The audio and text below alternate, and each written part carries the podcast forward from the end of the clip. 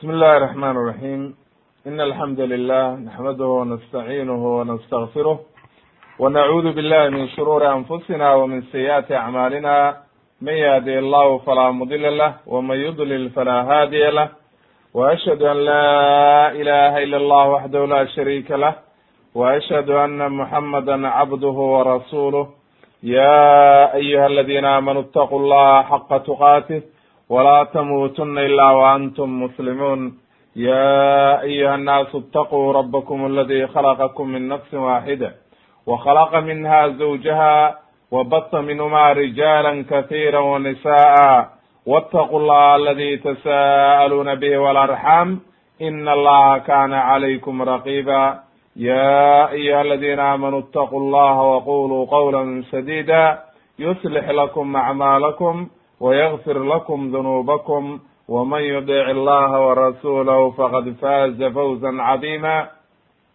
أما بعد فإن أصدق الحديث كلام الله وخير الهدي هدي محمد صلى الله عليه وسلم وشر الأمور محدثاتها وكل محدثة بدعة وكل بدعة ضلالة وكل ضلالة في النار إن شاء الله تبارaka وتaعالى haddii rabi idmo silsiladii qasas الأنbiya ayaynu waxaynu soo gaarnay qisatu nabiyullaahi yuushac calayhi salaam. Nabiyullahi yuushac calayhi salaam waa nebigii la socday oo waxa weeye markii nabiyullaahi muusa calayhi salaam uu aadayey khadar uu u tegayey waa wiilkii la socday oo waxa weeye uu ilaahay lahaa wa qaala muusa lifataahu laa abrax xata abluga majmaca albaxrayn marka yuusha calayhi salaam waxay leeyihiin culammadu markii uu nabiyullahi muusa u dhintay oo waxa weeye nabiyullahi haaruun uu dhintay labadiiba ay tageen ayaa reer bani israa'iil waxaa looga dhigay nebi waana wiilkii la socon jiray nebiyullahi muusa calayhi salaam. Awalan qodobka ugu horreeya waxaan ku soo qaadaynaa nasabkiisa iyo abtiriskiisa. Qaala ibnu kathir raximahullah waxa weye huwa yuushac yuushac ibnu nuun ayaa la yidhaahdaa aabihii nuun ayaa la odhan jiray awowgiisna afrayim yuushac ibnu nuun ibn afrayim ayaa la yidhahda afrayimka marka waxaa dhalay ba la yihi yuusuf ibnu yacquub calayhi salaam. Nabiyullahi yuusuf marka wax badanba kamaba socdoba yuushac nabiyullahi yuusuf calayhi salaam. Oo waxa weeye awowgiisa saddexaad weye waa awowgiisa labaad. Aabihii waa nuun afrayimna waa wiilkii uu dhalay nabiyullahi yuusuf calayhi salaam marka aad buuba ugu dhow yahay oo abtiriskiisu ma dheera yacquub ayaa wuxuu noqonayaa awowgiisa saddexaad nabiyullahi isxaaqna waa awowgiisa afraad nabiyullahi ibraahimna waa awowgiisa shanaad. Marka aad ba waaba maaragtay aalu ibraahim oo ahalkiisii ayuu ka mid yahay aad buu ugu dhow yahay nabiyullahi ibraahim calayhi salaam. Ilaahay kitaabka uu ku sheegay qur'aanka isagoo waxa weeye isimkiisa aan la tasriixin oo waxa weeye laakiin aan waadix loo sheegin ayaa maaragtay lagu sheegay oo wuxuu yihi ilaahay markuu ka hadlayey qisatu khadr waataynu kaga soo hadalnay markii iyo qisatu musa calayhi salaam. Waxa uu yihi ilaahay waid qaala musa lifataahu laa abraxu xataa abluga majmaca albaxrayni ow amdiya xuquba nabiyullahi musa calayhi salaam. Waataynu soo marnay inuu reer bani israa'iil dhex istaagay u khudbeeyey markaa la yidhi yaa dadka ugu cilmi badan marka uu yidhi aniga markaa ilaahay uu ku canaantay oo yidhi addoon addoommadayda ka mid ah oo waxa weeye kaa cilmi badan baa jira. Markaa uu yidhi xaggee buu joogaa. Markaa la yidhi markaa calaamad la siiyey. Oo la yidhi kalluun qaado meesha waxa weeye aad tegi doontid meeshaa kalluunkaa ku weydid ayuu joogaa. Markaa ayuu wiilkiisii dhalinyarada ahaa. Markaa marka yuushac wuxuu abaalay wiil dhalinyaro ah oo khaadim ah oo la shaqaynaya oo nabiyullahi muusa khaadim u ah markaa. Ayuu markaa la hadlo wuxuu yihi laa abraxu lifataahu. Marka waxaa laga wadaa ba le waa yuushac wiilkiisii. Macnaha wiilkuu dhalay maaha laakin waa khaadimkiisii wey. Oo waxa weye u adeegayey.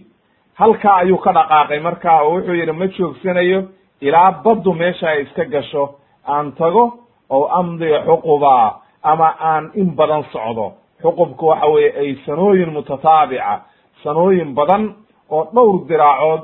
Aduu culummadu waatay ku soo caddaynay qisatu muusa ilaa siddeetan sano ayaa lagu fasiraa ba li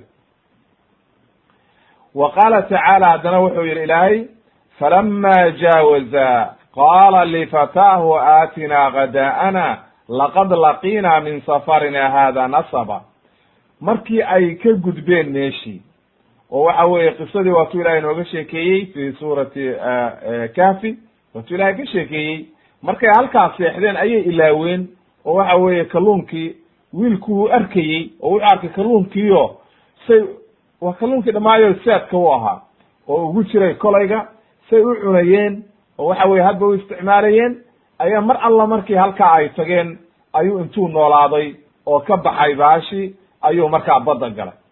Markaasuu nabiyullahi muusa way socdeen marka. Waaba meeshii la rabay inay marka ka helaan nabiyullahi khadir. Way socdeen marka cabaar markay socdeen oo daaleen oo gelinkii hore o dhan soconayeen ayuu markaa waxa uu ku yidhi wiilkiisii noo keen cuntadii waanu daalaye safarkan nasaba ay nasabka ah waa daalka iyo dhibka marka waynu soo horumarinay oo waa ka soo sheekaynay inaynu maaragtay nab eh, si uga sheekeeyey maaragtay eh, imam ibn kathir raximahullah riwaayadii oy ibn kacb radia allahu canhu can inabiy sal ly slam annahu qaala inuu yihi uma nalaqa waاnطalaqa macahu fataahu yushac ibnu nun. Marka nebigaa caddeeyey calayhi salaatu wasalaam riwaayaddii imaamu albukhaari uu wariyey oo ubay ibni kacab laga wariyey ayaa caddaysay in laga wado waid qaala muusa lifataahu inuu yahay yushac ibnu nun calayhi salaam. Oo riwaayaddaas a inoo caddaysay waana soo hormarnay waana xadiid maaragtay saxiixa oo imaamu albukhaari u warinayo marka wuxuu leeyahay nebiga calayhi salaatu wasalaam markuu ka sheekeeyey qisadii dheerayd oo nabiyullahi muusa iyo sababtuu halkaa u aaday uma nطalaqa wuu baxay wanalaqa macahu waxaa raacay wanalaqa waxaa raacay oo la socday macahu la jirkiisa fataahu wiilkiisii yuushac ibni nuun. Yuushac marka nebi baa laga dhigay markii dambe waa inoo imaan doontaa. Wuxuu yidhi ibnu kathiir raximahullah wa huwa muttafaqun calaa nubuwatihi cinda ahli lkitaab waxa weeye reer bani israa'iil way caddeeyeen oo waxa weeye muttafaqun weye cid dood ka qabtaa ma jirto. Ahlu kitaabkii o dhan nasaare iyo yahuudba dood kama ay qabaan oo waxa weye kulligood waa ogol yihiin inuu yahay nebi ilaahay uu soo diray. Wuxuu yidhi marka ibn kathir fa ina daa'ifata minhum wahum asamira firqa la yihahdo koox la yihahdo asamira ayaa waxay yihahdeen laa yuqiruuna nubuwata axadin bacda muusa ilaa yuusha. Qoladaasi guluwi bayba ku sameeyeen. Oo waxay yihahdeen nebi nebiyullahi muusa ka dambeeye maba jiro ilaa yuushac mooye. Yuushac keliyaan ogolnahay nebi kale ma ogolin oo ka dambeeye bay dheheen liannahu musaraxun fi tawraat bay yihahdeen waxa weye tawraad ayuu ku sheegan yahay oo lagu caddeeyey nabiyullahi yuusha calayhi salaam inuu yahay nebi ka dambeeya nabiyullahi muusa inta dambe oo dhan way ku gaaloobayaan kooxdaasi oo waxay yidhaahdeen firqadaasi waxa weeye maaragtay annagu nabiyullahi yuushac keliya ayaan ogolna calaa kulli xaal nebinimadiisa waa la isla ogol yahay cid dood ka qabtana ma jirto. Islaam iyo waxa weeye ahlu kitaabba waa ogol yihiin inuu nebi ahaa bacda nabiyullahi muusa calayhi salaam iyo haaruun markii ay dhinteen inaba laga dhigay.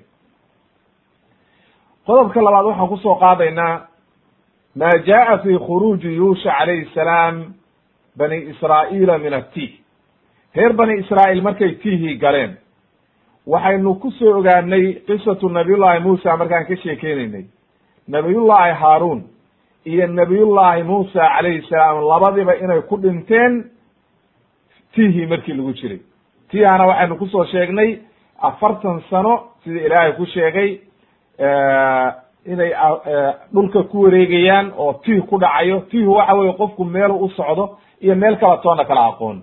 Waxa weye arbaciina sanatan yatihuna fi lardi dhulka inay wareegayaan marka waynu soo cadaynay markaynu ka hadlaynay qisatu muusa inay subax walba intay rartaan oo guuraan haddana galabtii ku soo noqonayeen meeshii ay saaka ka guureen oo iska hor iyo dabakalaabanayeen oo meelay u socdaan iyo meel kala toona aynay garanaynin ciqaabtaasina sababtay ugu dhacday waxay ahayd inay diideen jihaadki ilaahay oo markii ay la yihi gala baytulmaqdis ay diideen oo yidhaahdeen idhab anta warabuka faqaatila ina haahunaa qaaciduun.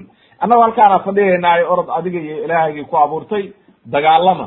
Annagu ma dagaalamayna waa ka yidhaahdeen.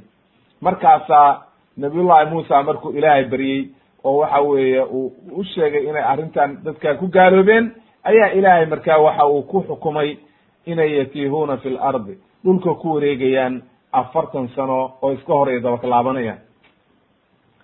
Tiihii marka markuu nabiyullahi muusa ku dhintay nabiyullahi haaruunna ka sii horreeyey oo dhintay waxaa markaas ka saaray tiihii oo waxa weye hogaamiyey oo hogaanka u qabtay nabiyullahi yuusha calayhi salaam. Qaala ibnu kahiir raximahullah waxa uu leeyahy faladii calayhi ljamhuur jamhuur lculamaa waxa ay qabaan ana haaruna tuwafiya bitiih qabla muusa binaxwin min sanatayn waxay jamhuur lculamaa yidhaahdeen taariikhda iyo dadka caddeeyey culummadu waxay caddeeyeen oy qabaan haaruun inuu dhintay tiiha gudihiisii laba sano ka hor intuu nabiyullahi muusa una dhimanin oo laba sano ka horreeyey kabacdina nabiyullahi muusa ayaa tiihi isagana ku dhintay wa bacdahu muusa fi tiihi aydan isaguna tiihi ayuu ku dhintay.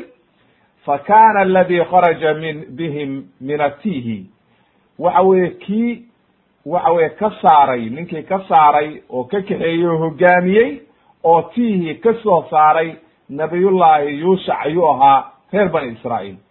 Oo xagga iyo markaa wuxuu la soo aaday ba la yidhi oo maaragtay uu soo qaabilsiiyey bayt huwa yuushac ibn nun calayhi salaam weye ba la yidhi fadakara ahlu lkitaab waxa ay sheegeen taariikhda ahlukitaabka iyo dadka taariikhda qora oo culummada islaamka oo taariikhda qortaba waxay sheegeen inuu reer bani israa'iil fiihi markuu ka soo saaray uu soo marsiiyey nahru lurdun urdun waddankan urdun hadda loo yaqaano webiga mara ayuu markaas soo dhaafiyey halkaa magaalo wuxuu soo gaaraa la yidhaha ariixa la yidhaahdo oo waxa weeye xisni adag ahayd dhufays aad u adag ahayd oo waxa weeye markii loo sii socdo baytulmaqdis haddaan horta iyada la marin oo iyada gaalada fadhidee laga kicin aan baytulmaqdis loo dhowaan karin.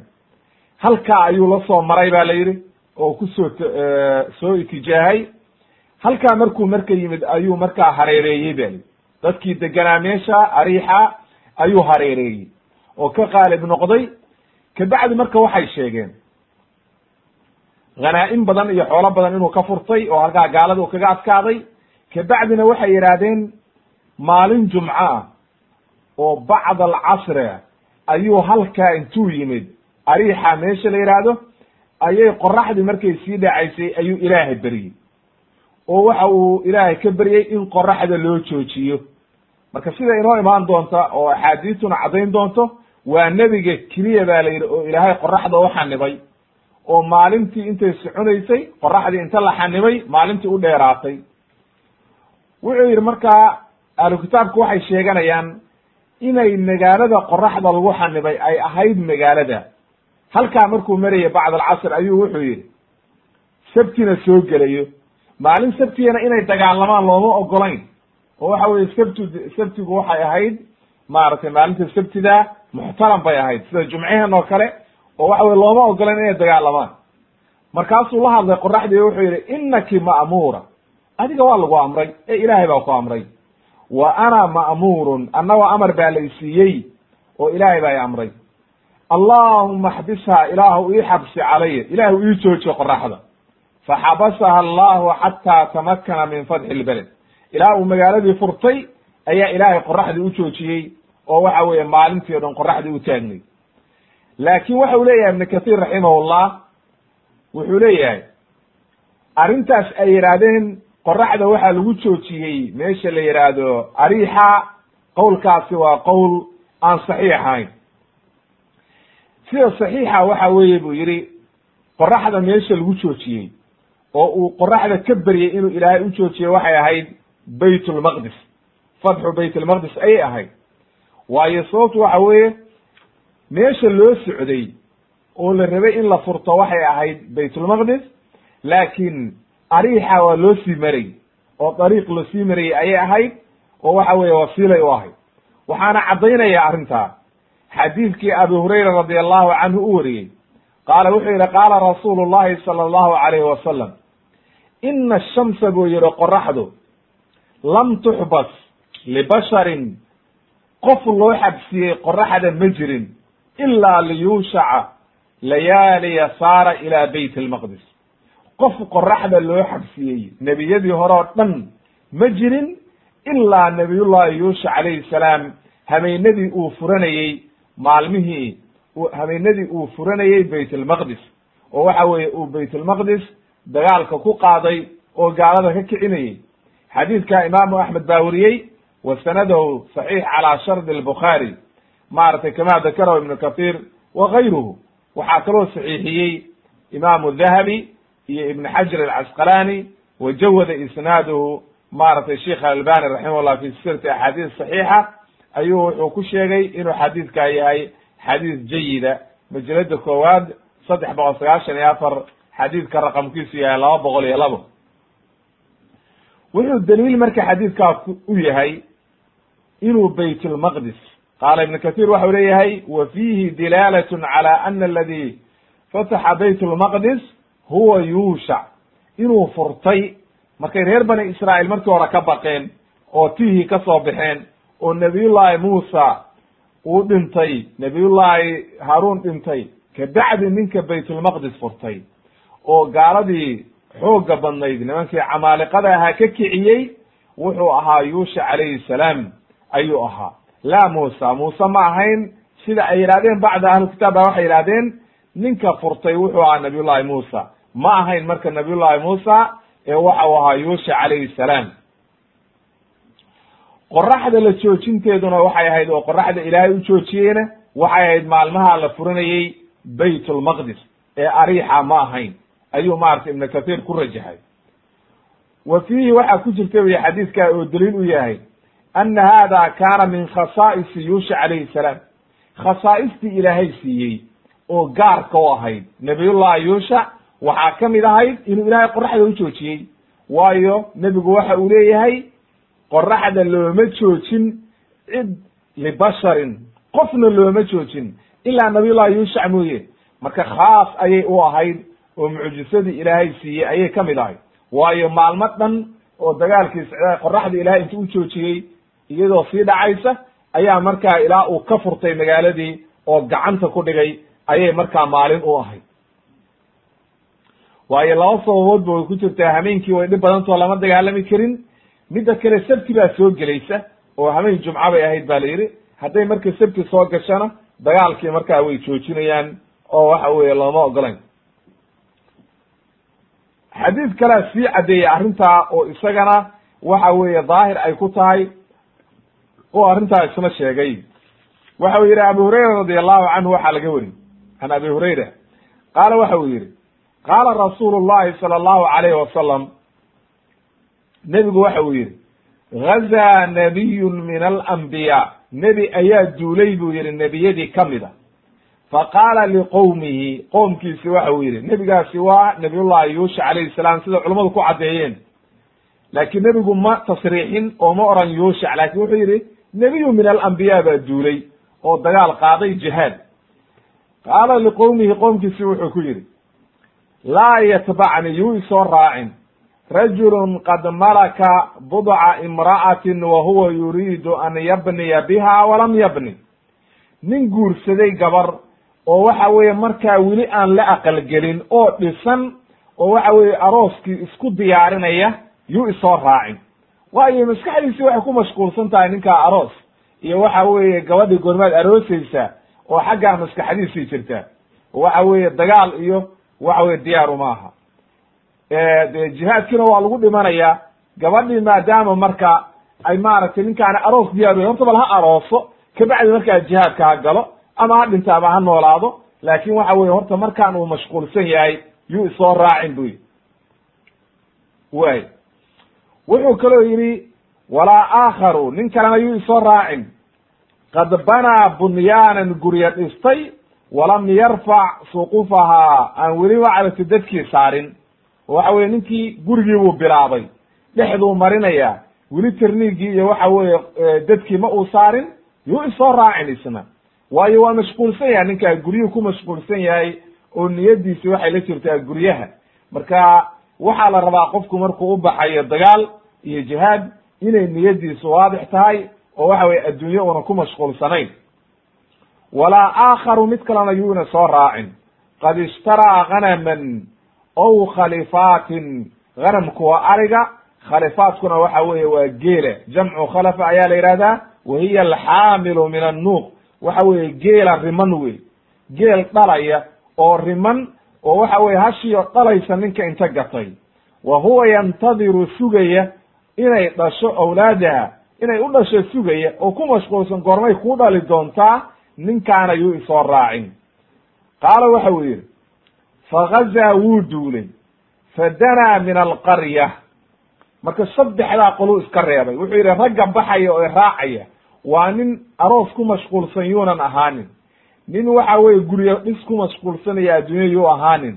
Yuunan ahaanin nin ku mashquulsan xoolo uu gatay oo waxa weeye sugaya inuu ka dhaliyo oo waxa weeye xoolo dhalaya intuu gatay ku mashquulsan. Nebigu wuxuu yidhi marka calayhi salaatu wasalaam fagazaa waa duulay. Wuu socday marka. Raggii kalaa raacay saddexdaa qolo waa hareen wuxuu u soo dhowaaday magaaladii uu ku soo duulay ayuu u soo dhowaaday wa huwa bayt lmaqdis weeye sida culammadu ay caddeeyeen ayuu u soo dhowaaday xiina salla alcasra markii casarka la tukaday ow qariiban min dalika ama xilli u dhow. Macnaha fi waqti alcasr ama waxa weye bacd alcasr ama mar casarkii soo gelayo ayuu u soo dhowaaday oo magaaladii soo duldegay fa qaala lishamsi qoraxdii wuxuu ku yidhi anti ma'muura adiga amar baa lagu siiyey ilaahay baa ku amray oo amar ilaahay baad ku socotaa wa ana ma'muurun. Anna waxaan ahay mid la amray oo ilaahay baa amray. Allaahumma allahayow ixbasaa ilaahu ii xabsi calaya shay-an. Ilaahu wakti ii jooji. Ay inta aan ka furanaya magaalada ilahay ii jooji. Fa xubisat waa loo xabsiyey calayhi xataa fataxa allahu calayh. Ilaa uu ilaahay u furay maga qoraxdii waa loo joojiyey oo waxa weye markaas ayay noocaas ilaahay ugu fududeeyey oo maalin ay u noqoto.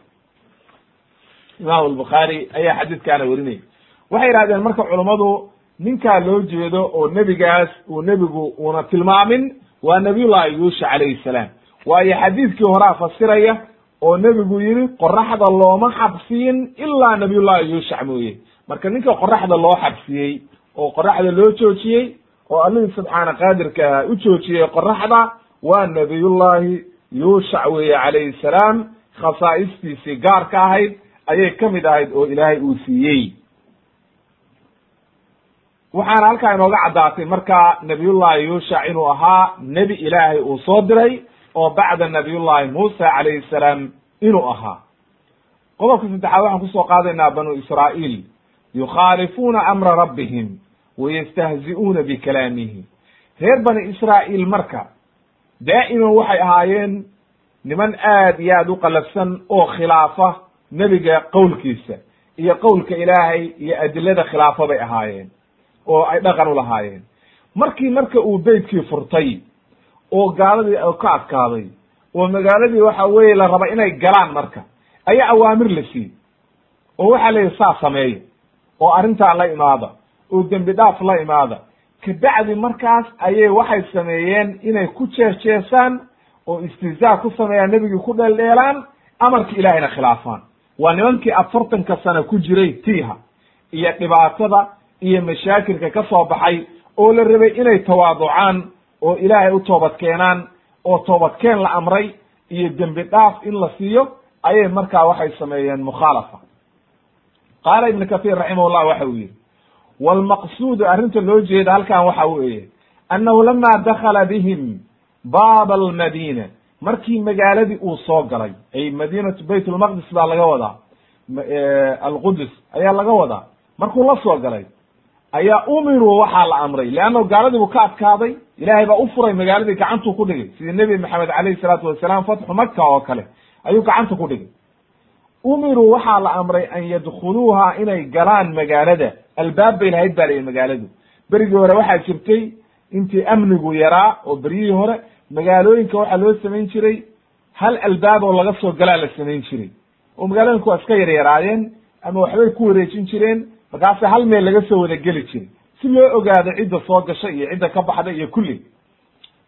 Wuxuu yidhi marka ibn kathir umiruu waxaa la amray an yadkhuluuha inay galaan magaaladii sujadan iyagoo sujuudsan ay rukucan mutawaadiciina shaakiriina lilah sujadan waxaa laga wadaa ay wejiga dhulka ku haya ma aha iyagoo rukuucsan oo ilaahay u tawaaducaya oo ilaahay u shukri naqaya maadaama afartan sana ay tii ku soo jireen oo dhibaato ku jireen inay ilaahay u xamdi naqaan wanaagga ilaahay ku galadaystay oo magaaladii uu furay oo iyagu awooddooda ayna ku furan qoraxdii loo xabsiyey inay marka ilaahigii subxaana qaadirka u tawaaducaan ayaa la amray.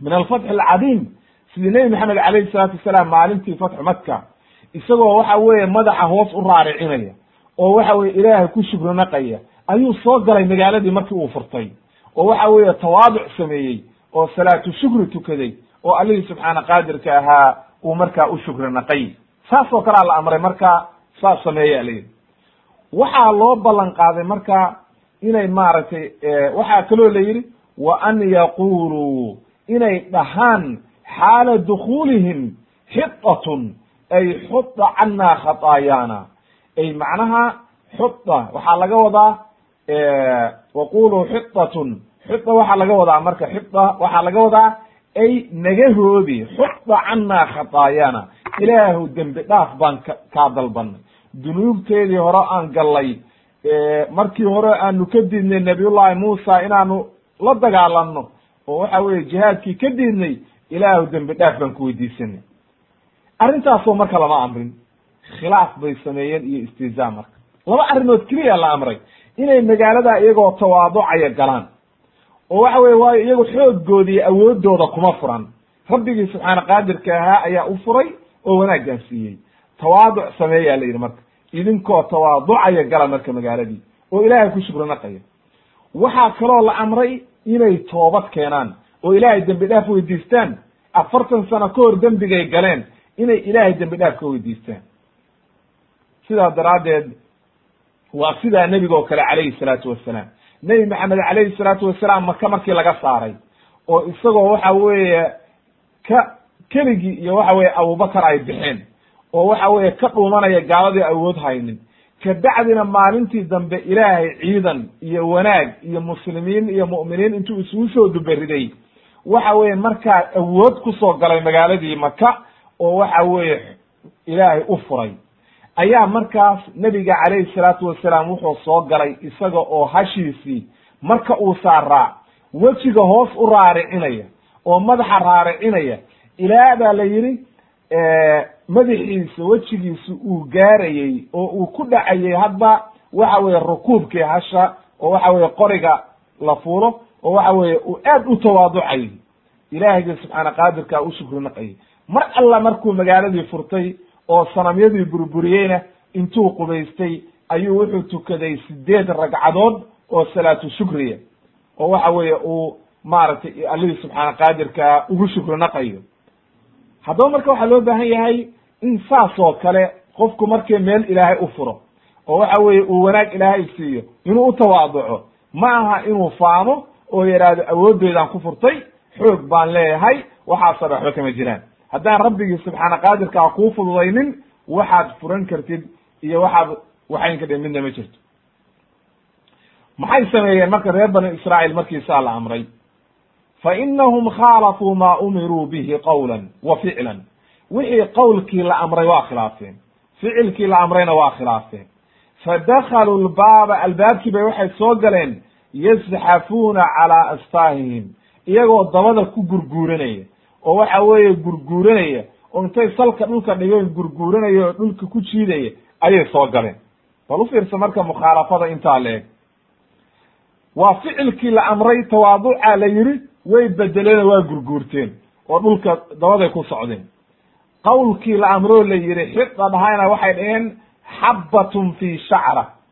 Waxaanu rabnaa xabad riwaayad kale waxay idhi xildatun fi shacra. Xabad mira ah. Ama waxa weeye xindada baashaan waxa weeye xindada la yihahdo oo waxa weye shaciirta. Oo ku dhex jirta tin. Wax cajiib aad iyo aad maaragtay cajiib u ah waa waxaan suurtagal ahayn. Ayaa rabnaa bay dheheen calaa kulli xaal xaasilku waxa weeye inay nimankaasi bedeleen qowlkii la amray iyo ficilkii la amray labadiiba way way bedeleen sidaa daraaddeed baa ilaahay inooga sheekeeyey maaragtay fi suurati alacraaf. Ilahay waxa uu yidhi waid qiila lahum iskunuu hadihi alqarya. Xus baa la yidhi nebiga markii lagu yiri reer bani israa'iil magaaladan gal oo dega wa kuluu minhaa cuna oo waxa weye nicmadeeda iyo wanaaggeeda cuna xaytu shi'tum barwaaqada magaaladaa taalla saad doontaan u ugu raaxaysta. wa quluu xida dhahaya ilaahu noo dembi dhaaf oo toobadkeen la imaada. wadkhulu lbaaba sujadan magaaladana gara idinka oo sujuudsan oo waxa weye raakicsan oo waxa weye tawaaducaya. sujadan waxaa laga wadaa ay mutawaadiciina oo madaxiina hoos u raaricinaya oo waxa weeye ilaahay dartii u khushuucaya maxay helayaan marka hadday saas sameeyaan? Ilahay waxa uu yidhi nakfir lakum khadaayaakum waxaan idiin dhaafaynaa khadi'aatikum dunuubtii aad gasheen. Nakfir lakum khadi'aatikum dunuubtii aad horay u gasheen waa la idiin dhaafaya. Oo wax alla wixii aad horay u gasheen oo dunuub ahaa waa la dhaafaya. Haddii aad saas samaysaan ee saas sameeya haddana kabacdi sanaziidu lmuxsiniin wanaag baan u kordhinaynaa intii wanaag samaysana. Marka dembi dhaaf la imaada la toobadkeen la imaada ilahay waa idiin dembi dhaafayaay wanaagna waa helaysaane. Maxay sameeyeen marka? Ilaahay waxa uu yidhi fabaddela aladiina dalamuu way bedeleen kuwii dhaalimiinta ahaa oo xadgudbay oo gaaloobay. Minhum oo iyaga ka mid ahaa qawlan gayra aladi qiila lahum qowlkii lagu yidhi iyo ficilkii la yidhi sameeye labadiiba waa bedeleen. Muxuu markaa ciqaabtoodii noqotay? Ilaahay baa sheego wuxuu yidhi fa arsalnaa calayhim. Waxaanu ku soo dirnay rijsan min asamaa rijsan ay cadaaban. Cadaab samada ka yimid ayaanu ku soo dirnay. Marka rijsigu waa cadaabka iyo ciqaabta anwaac badan buuna noqdaa. Ma daacuunba ma la halaagay ma waxyaalo kalaa lagu soo diray rijsigu waa nooc walba oo waxa weye markaa lagu cadaabo min asamaa'i samada ka yimid. Bima kaanuu yadlumun ay bisababi ma kaanuu yadlumun sababta iyagaa keensaday oo dhaalimiin ahaa oo ilaahay ku xadgudbay. Fi suurati alacraab ayaa ilahay aayaddaa ku sheegay. Fi suurati albaqarana ilahay waxa uu ku sheegay iyadoo weliba fi suurati albaqara madaniya ah oo madiine ku soo degtay laakiin acraaf waa makiya oo makay ku soo degtay. Ilahay waxa uu yidhi waid qulna dkuluu hadihi alqarya. Reer bani israiil baa laga sheekeynayay. Markaasa waxaa la yidhi xus nebiga oo u sheeg ummadaada markaanu ku niri war magaaladan gala qarya waxaa laga wadaa markaa baytulmaqdis oo waxa weeye qudus baa laga wadaa. Fakuluu minha xaytu shi'tum ragadan. Ga cuna baa layidhi saad doontaan ugu raaxaysta nicmadeeda barwaaqada taalla waa magaalo barwaaqo badan bay ahayd ku raaxaysta. Wadkhulu lbaaba sujadan idinkoo sujuudsan oo raakicsan oo waxa weye tawaaducaya magaalada gala. Wa quluu xita ilaahu noo dembi dhaaf dhahaya oo xuda canaa khadaayaana ilaahu dunuubteeda naga hoobi dhahaya. Nakfir lakum khadaayaakum dunuubtii aad gasheen ayaan idiin dhaafaynaa. Wa sanaziidu lmuxsiniin intii wanaag samaysa oo ilaahay caabudo wanaag samaysana wanaag baan u kordhinaynaa. Ilaahay waxa uu yidhi maxay sameeyeen markaa? Fabaddela aladiina dalamuu way bedeleen kuwii gaaloobay oo dulmiga la yimid oo dhaalimiinta ahaa qawlan gayra aladi qiila lahum. Qowlkii lagu yidhi maahae qowl kale oo iyagu keensadeen bay ku bedeleen oo maxay yidhahdeen xabbatun fi shacr ama fi shaciira ama xinda. Waxaan loo baahnayn ayaan rabnaa bay yidhahdeen bal dembi dhaaf ilaahay weydiistaa la yidhi maxay xabad shaciira meel walbay taallaaye? Xabad waxa weye maaragtay hadday rabaan maaragtay heed ah. Meel walbay taalla maxay ku falayaan marka? Markaase qowlan gayra aladi qiila lahum faanzalnaa cala aladiina dalamuu kuwii dhaalimiinta ah oo xadgudbay waxaanu ku soo dejinay rijzan min asamaa'i bima kaanuu yafsuquun. Waxaanu ku soo dejinay cadaab samada ka yimid bisababi ma kaanuu yafsuquun faasiqnimadii ay sameeyeen. Way qaala ibnu kahiir waxa uu yidhi qowluhu wadkhulu lbaaba sujadan qaala cabdullahi ibni cabaas ay rukkacan waxa weeye albaab yar bay ahayd ba la yidhi oo waxa weye laga geli jiray foorariyaale madaxii nooraariciyo rukuuca oo gala kabacdina markaasi waxay sameeyeen qaala ibn cabaas wuxuu yidhi inahum dakaluu waxay soo galeen yasjafuuna yasxafuuna iyaga oo gurguuranaya oo waxa weeye dabada ku gurguuranaya ayay soo galeen wa quluu xidana waxaa laga wadaa buu yidhi ay udkhuluu idinkoo waxaad soo gashaan magaaladii tawaaducaya ilaahayna dembi dhaaf weydiisanaya sida cabdullahi ibni cabaas iyo cadaa iyo xasan iyo kulli ay leeyihiin umiruu an yastakfiruu waxaa la amray inay ilaahay dembi dhaaf weydiistaan. Bal fiir. Xadiid baa sii caddeeyey. Imaam albukhaari warinaya abu hurayra uu ka warinayo waxau leeyahay nebigaa wuxuu yidhi qaala rasuulu llahi sala allahu alayh wasalam qiila libani israa'iil. Reer bani israa'iil baa waxaa lagu yidhi udkhulu lbaaba udkhulu lbaaba sujadan waquluu xida magaalada gala idinkoo rukuucsan oo tawaaducaya ilahayna dembi dhaaf weydiista fadakaluu way galeen yasxafuuna calaa astaahihim iyagoo dabada ku gurguuranaya oo dabada ku siqaya ayay galeen. Fabaddeluu way bedeleen wa qaaluu waxay yidhaahdeen xidatun qowlkiina waa bedeleen ficilkii waa bedeleen oo waxa weeye wixii la rabay inay sameeyaan waa bedeleen qowlkiina waa bedeleen oo waxay yidhahdeen xabbatun fi shacra. Waxa weye bal marka u waa khilaaf aad ujeedid xadiiskana xadiis saxiix o imam albukhaari ayaa wariyey. Sidoo kale wuxuu ibnu jariir warinayaa can abi hurayra nebiga waxa uu ka warinayaa inuu yidhi dakhaluu lbaaba aladi umiruu albaabkii la yidhi ka gala an yadkhuluu fiihi sujadan idinkoo sujuudsan. Ayay waxay galeen yasxafuuna calaa astaahihim iyagoo dabada ku gurguuranaya oo waxa weye intay salka dhulka dhigeen gurguuranaya. Oo yaquuluuna odhanaya xindatun fi shaciira. Waxaanu rabnaa xabadheeda oo ku dhex jirta shaciir qamadi ku dhex jirta.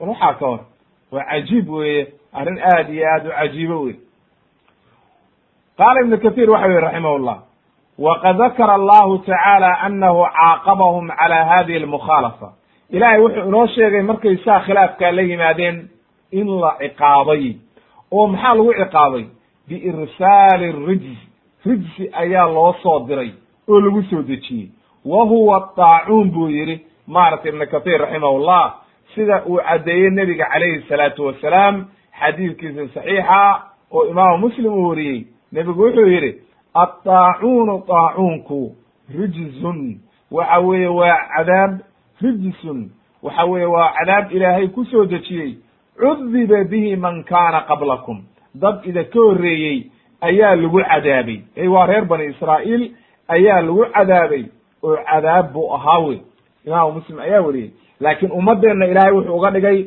raxmad iyo naxariis iyo waxa weeye shahaado oo qofka daacuunka ku dhinta wuxuu noqdaa min ashuhadaa way intaa waxaa inooga caddaatay qodobka nabiyullahi yuusha calayhi salaam inuu markii uu la galay reer bani israa'iil waxa weye baytulmaqdis uu furtay inay khilaafeen awaamirtii la amray. Kabacdina markaas markay khilaafeen labadii amaroo la amray ficil iyo qowlba in ilaahay markaa ciqaabay oo ciqaab lagu soo dejiyey qodobka ugu dambeeya qisatu yuushac waa iska gaaban tahay. Waxaynu ku soo qaadanaynaa wafaatu yuushac ibnu nun calayhi salaam. Nabiy llahi yuushac calayhi salaam iyo geeridiisii ayaynu qodobkan afraad ku soo qaadayna qaala ibnu kahiir raximahullah waxa uu yidhi walama istaqarat yadu bani israa'iil calaa bayt almaqdis markii reer bani israa'iil ay ku sugnaadeen bayt almaqdis oo nimankii khatartahay oo camaaliqada ahaa laga qaaday oo waxa weeye ay gacanta ku dhigeen oo nabiyullahi yuushac halkaas waxa weeye ku xasiliyey nabiyullahi yuushacna uu la joogay oo waxa weeye uu diintii kitaabkii tawraat ku xukumayey. Xataa ayaa marka muddo dheer bay joogeen ba ley xataa qabadahu llahu ilaahay ilaa uu oofsaday oo waxa weeye uu dhintay. Waxa la yidhi marka markaa uu dhintay waxa uu jiray mia boqol iyo toddoba iyo labaatan sano ayuu jiray ba lihi fa kaanat muddatu xayaatihi bacda muusa sabcan wa cishriina sana.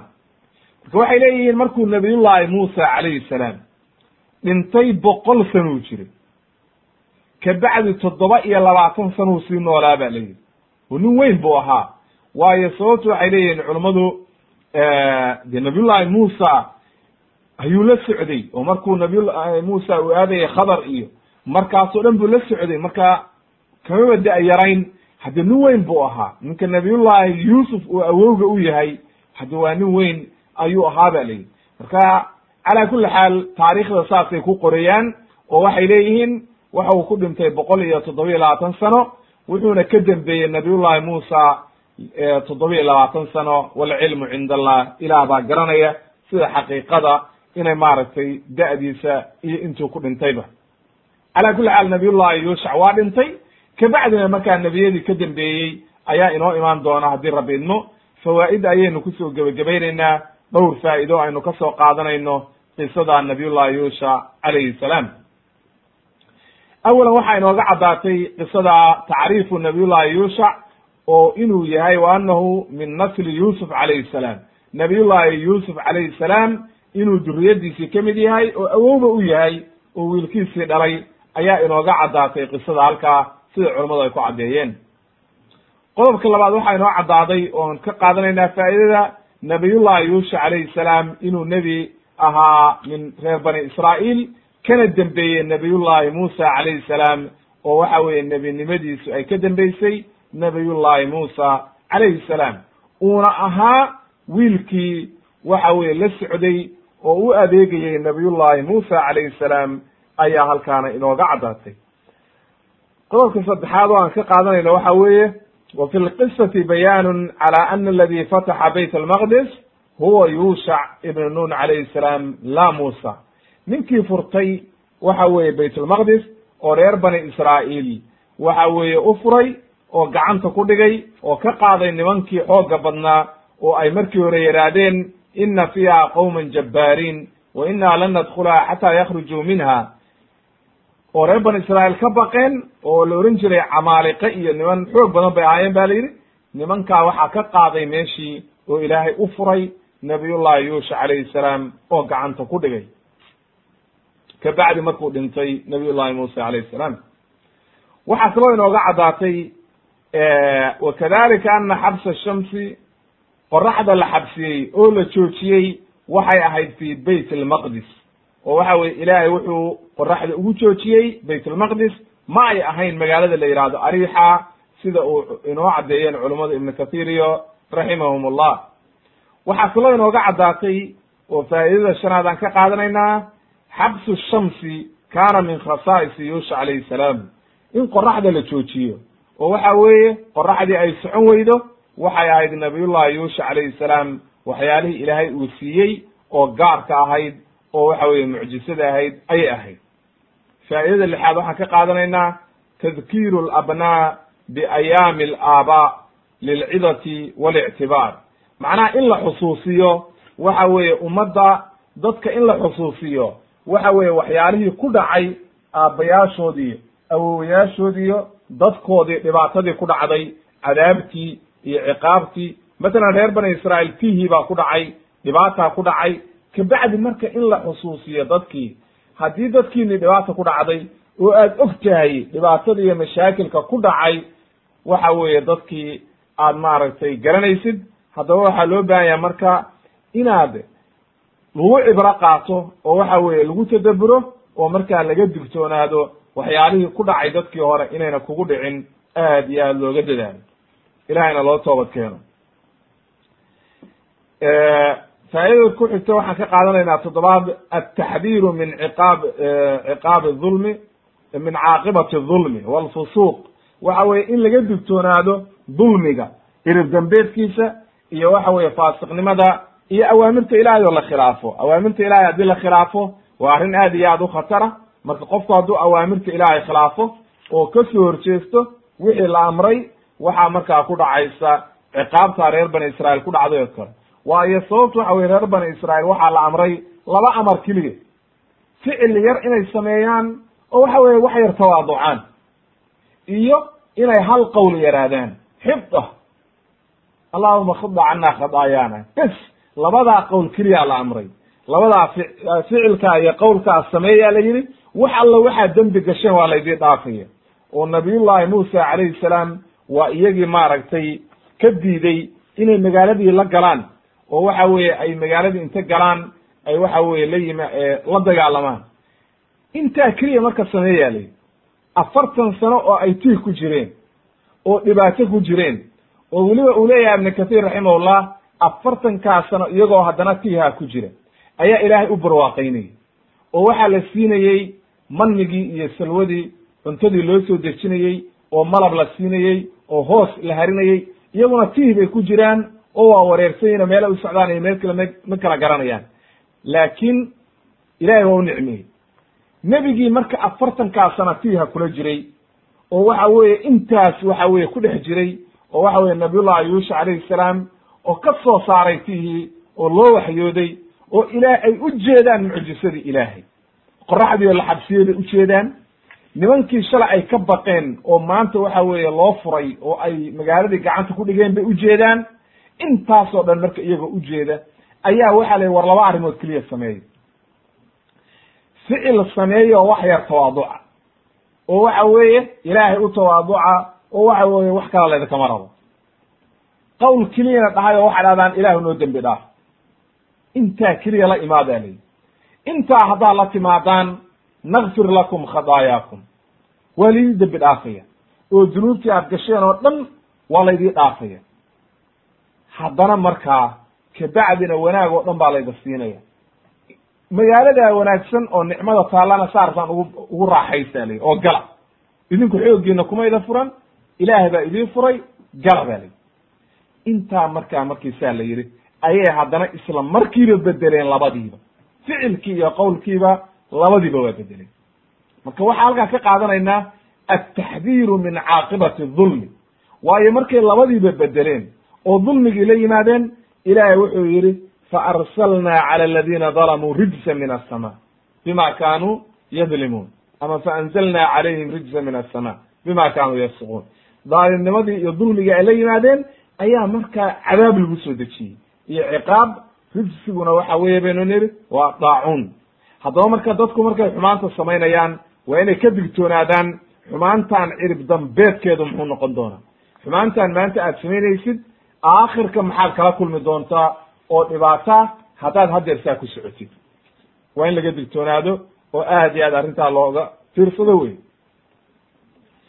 faa'idada sideedaad waxaan ka qaadanaynaa xurmatu ta'wiil الnusuus alsharciya lilkhuruuji biha min muraadi الshaarici canha minha waxa weeye nusuusta ilaahay subxaana qaadirkaa uu soo dejiyey oo waxa weeye ama xadiid ha noqoto ama aayad qur'aana ha noqoto inaan la ta'wiilin karin oo ay xaaraam tahay in la ta'wiiliyo. Waayo nimankan waxaa lagu yidhi waquluu xita ilaahu dembi dhaaf baan ku weydiisanay. Markaasay yidhahdeen xabba. Waa ta'wiil marka. Marka qowlkii ilaahay uu soo dejiyey oo waxa weeye kalaamkii ilaahay inaad inta bedeshid macnihii laga waday iyo ulajeedadii laga lahaay o dhan ka saartid oo aad tiraad maya saa iyo saasaa laga wadaa oo saasaan ka dhigayaa waa kalaam baatila wey lama ogola. Waxaana halkaa ka timaada in markaa waxa weeye ciqaab iyo dhibaato ay halkaa ka timaado oo khatara ayaa kugu imaan ka dhah marka waxaa loo baahan yahay inaan la ta'wiilin oo waxa weeye ay xaaraam tahay in la ta'wiiliyo waxa weeye nusuusta ilaahay uu soo dejiyey. Waayo rabbigii subxaana qaadirka ahaa kalaamkiisa markaad macnihiisii ka bedeshid waxaa dhici karta inay markaa kugu timaado ciqaab xoog leh oo waxa weye allihii subxaana qaadirka uu ku ciqaabo oo waxa weye sidaa reer bani israail ku dhacday rijsa min asamaa'i samada looga soo diray ciqaab iyo daacuun iyo dhibaatoo dhan markaa ku timid. Waxaan kaloo ka qaadanaynaa nabiyullahi yuusha calayhi salaam inuu ahaa wiilkii markii horena la socday nabiyullahi muusa calayhi salaam kabacdina markaa kula jiray waxa weeye taariikhdii nabiyullahi muusa oo isa soo gaareen iyo haaruunba kabacdina waxa weye xilligii tiihii oo dhan kula jiray oo afartankii sanoo tiihaba intuu ka soo baxay markaa kabacdi reer bani israa'iil hogaamiyey. Nebina ilaahay ka dhigay gacantana ku qabtay reer bani israa'iil oo markaa baytulmaqdis isagu furtay kabacdi markaa oo rabbigii subxaana qaadirkaa u furay. Intaa marka ayay qisadiisa ku tahay nabiyullahi yuusha calayhi salaam qisadiisii intaa ayay ku eg tahay halkaa ayaan marka ku joojinaynaa insha allahu tabaaraka watacaala wax alla wixii khaladana ilaahay baan uga toobad keenayaa. Wax alla wixii saxana rabbigii subxaana qaadirkaa ayaan ku mahadinayaa. Wa subxaanaka allahuma bixamdika ashhadu an laa ilaha illa anta astakfiruka wa atuubu ilayk. Walxamdu lilahi rabi alcaalamiin in sha allahu tabaaraka watacaala waxaa ku xigi doontaa qisatu nabiy llahi khadir calayhi salaam ayaa ku xigi doontaa